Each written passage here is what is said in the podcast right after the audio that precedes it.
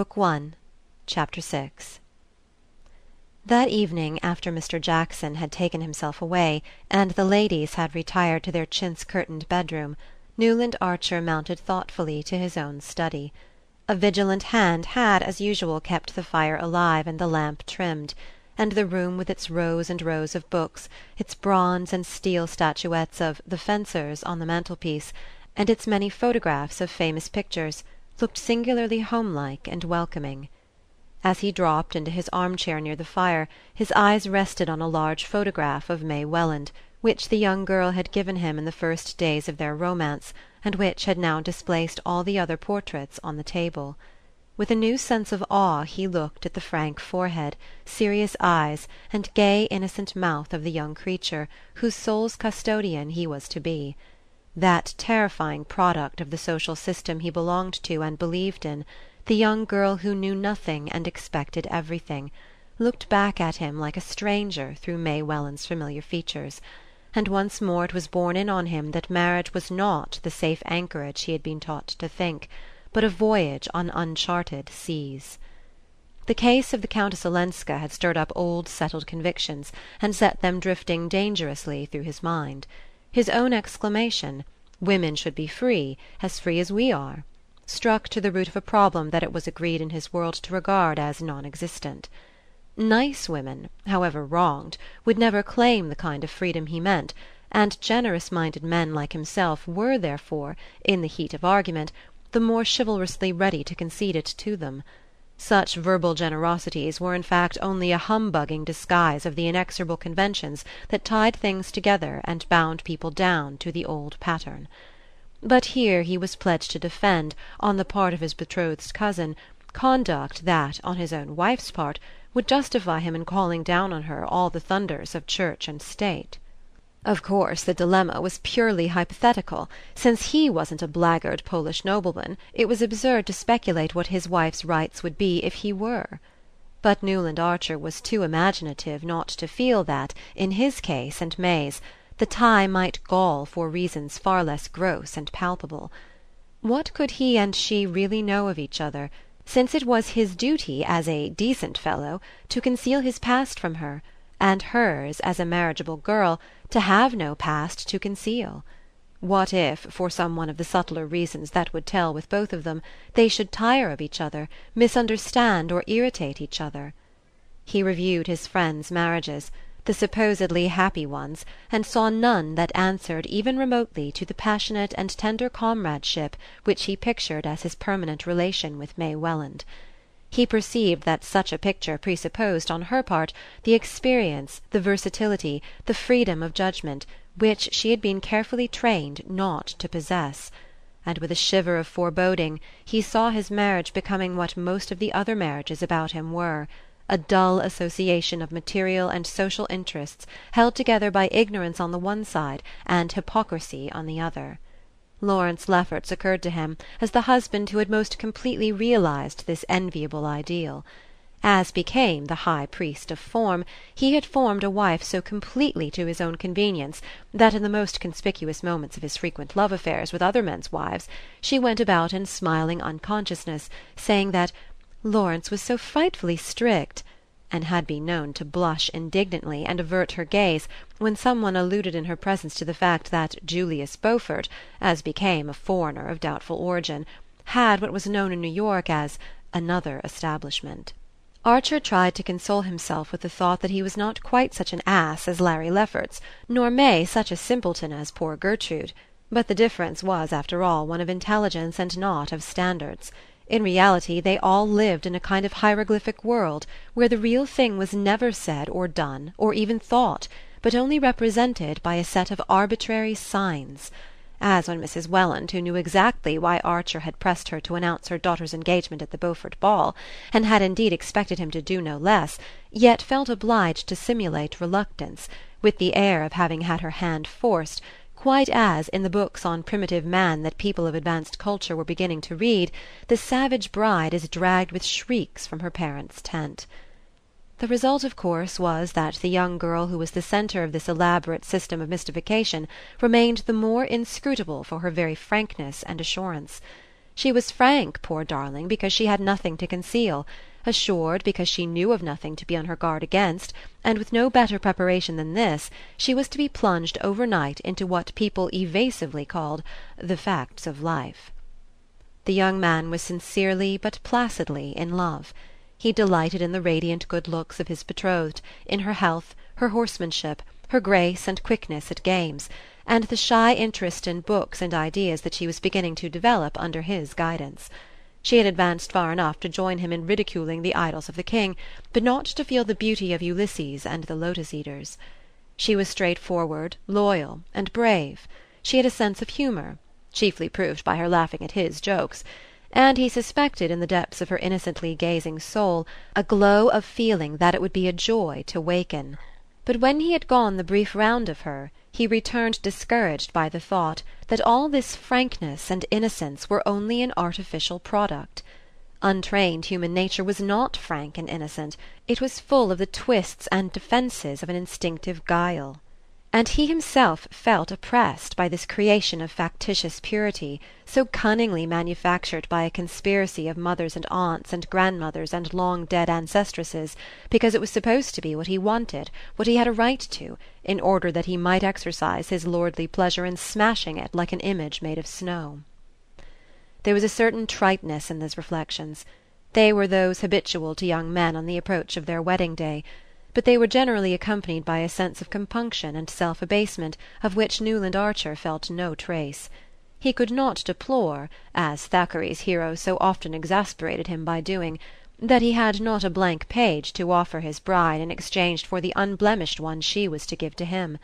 He could not get away from the fact that if he had been brought up as she had they would have been no more fit to find their way about than the babes in the wood nor could he, for all his anxious cogitations, see any honest reason any, that is, unconnected with his own momentary pleasure and the passion of masculine vanity why his bride should not have been allowed the same freedom of experience as himself.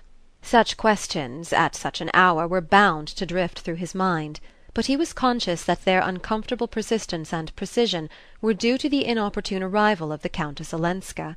Here he was, at the very moment of his betrothal, a moment for pure thoughts and cloudless hopes, pitchforked into a coil of scandal which raised all the special problems he would have preferred to let lie.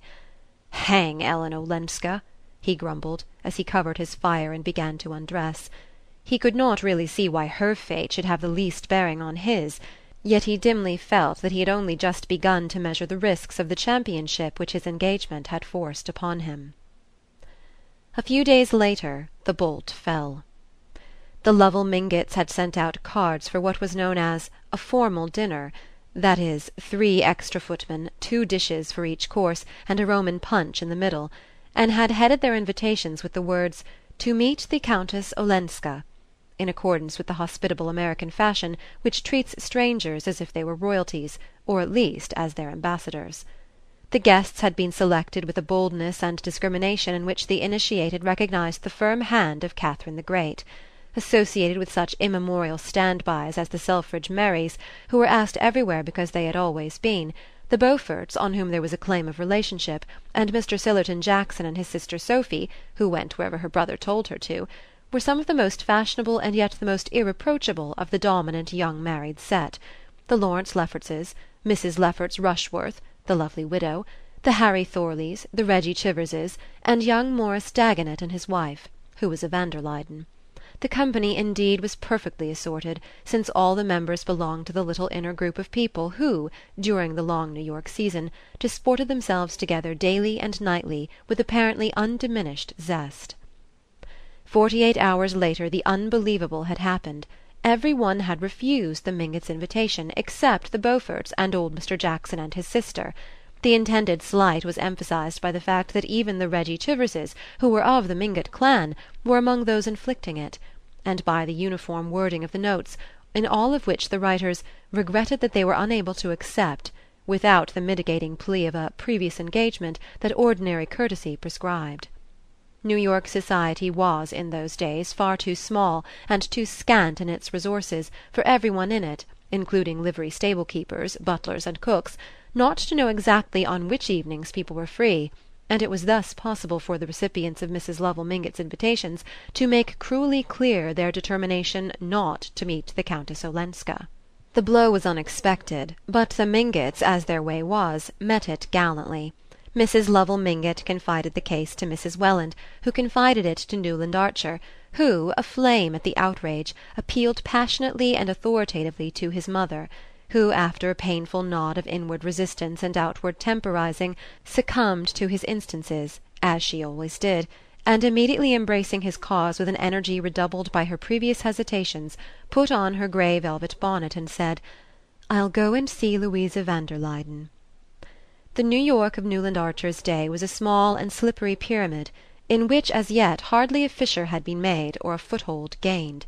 At its base was a firm foundation of what Mrs. Archer called plain people, an honourable but obscure majority of respectable families, who, as in the case of the Spicers or the Leffertses or the Jacksons, had been raised above their level by marriage with one of the ruling clans.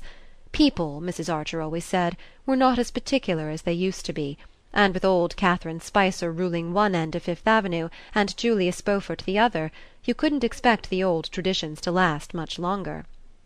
Firmly narrowing upward from this wealthy but inconspicuous substratum was the compact and dominant group which the Mingotts, Newlands, Chiverses and Mansons so actively represented. Most people imagined them to be the very apex of the pyramid, but they themselves at least those of Mrs. Archer's generation were aware that, in the eyes of the professional genealogist, only a still smaller number of families could lay claim to that eminence. "Don't tell me," Mrs. Archer would say to her children all this modern newspaper rubbish about a New York aristocracy. If there is one, neither the Mingotts nor the Mansons belong to it no, nor the Newlands or the Chiverses either. Our grandfathers and great grandfathers were just respectable English or Dutch merchants, who came to the colonies to make their fortune, and stayed here because they did so well. One of your great grandfathers signed the Declaration, and another was a general on Washington's staff, and received General Burgoyne's sword after the battle of Saratoga. These are things to be proud of, but they have nothing to do with rank or class. New York has always been a commercial community, and there are not more than three families in it who can claim an aristocratic origin in the real sense of the word. Mrs. Archer and her son and daughter, like every one else in New York, knew who these privileged beings were the Dagonets of Washington Square, who came of an old English country family allied with the Pitts and the Foxes; the Lannings, who had intermarried with the descendants of Count de Grasse and the van der Luydens, direct descendants of the first Dutch governor of Manhattan, and related by pre Revolutionary marriages to several members of the French and British aristocracy. The Lannings survived only in the person of two very old but lively Miss Lannings, who lived cheerfully and reminiscently among family portraits and Chippendales. The Dagonets were a considerable clan, allied to the best names in Baltimore and Philadelphia but the van der Luydens, who stood above them all, had faded into a kind of super-terrestrial twilight, from which only two figures impressively emerged, those of Mr. and Mrs. Henry van der Luyden. Mrs. Henry van der Luyden had been Louisa Dagonet, and her mother had been the granddaughter of Colonel Dulac, of an old Channel Island family, who had fought under Cornwallis and had settled in Maryland after the war, with his bride, Lady Angelica Trevenna, fifth daughter of the Earl of St. Austrey. The tie between the Dagonets, the Dulacs of Maryland, and their aristocratic Cornish kinfolk, the Trevennas, had always remained close and cordial. Mr. and Mrs. van der Luyden had more than once paid long visits to the present head of the house of Trevenna, the Duke of St. Austrey, at his country seat in Cornwall, and at St. Austrey in Gloucestershire, and his Grace had frequently announced his intention of some day returning their visit, without the Duchess, who feared the Atlantic. Mr. and Mrs. van der Luyden divided their time between Trevenna, their place in Maryland, and Skuytercliff, the great estate on the Hudson which had been one of the colonial grants of the Dutch government to the famous first governor, and of which Mr. van der Luyden was still patroon. Their large solemn house in Madison Avenue was seldom opened, and when they came to town they received in it only their most intimate friends. "I wish you could go with me, Newland," his mother said, suddenly pausing at the door of the brown coupe. Louisa is fond of you, and of course it's on account of dear May that I'm taking this step; and also because, if we don't all stand together, there'll be no such thing as society left."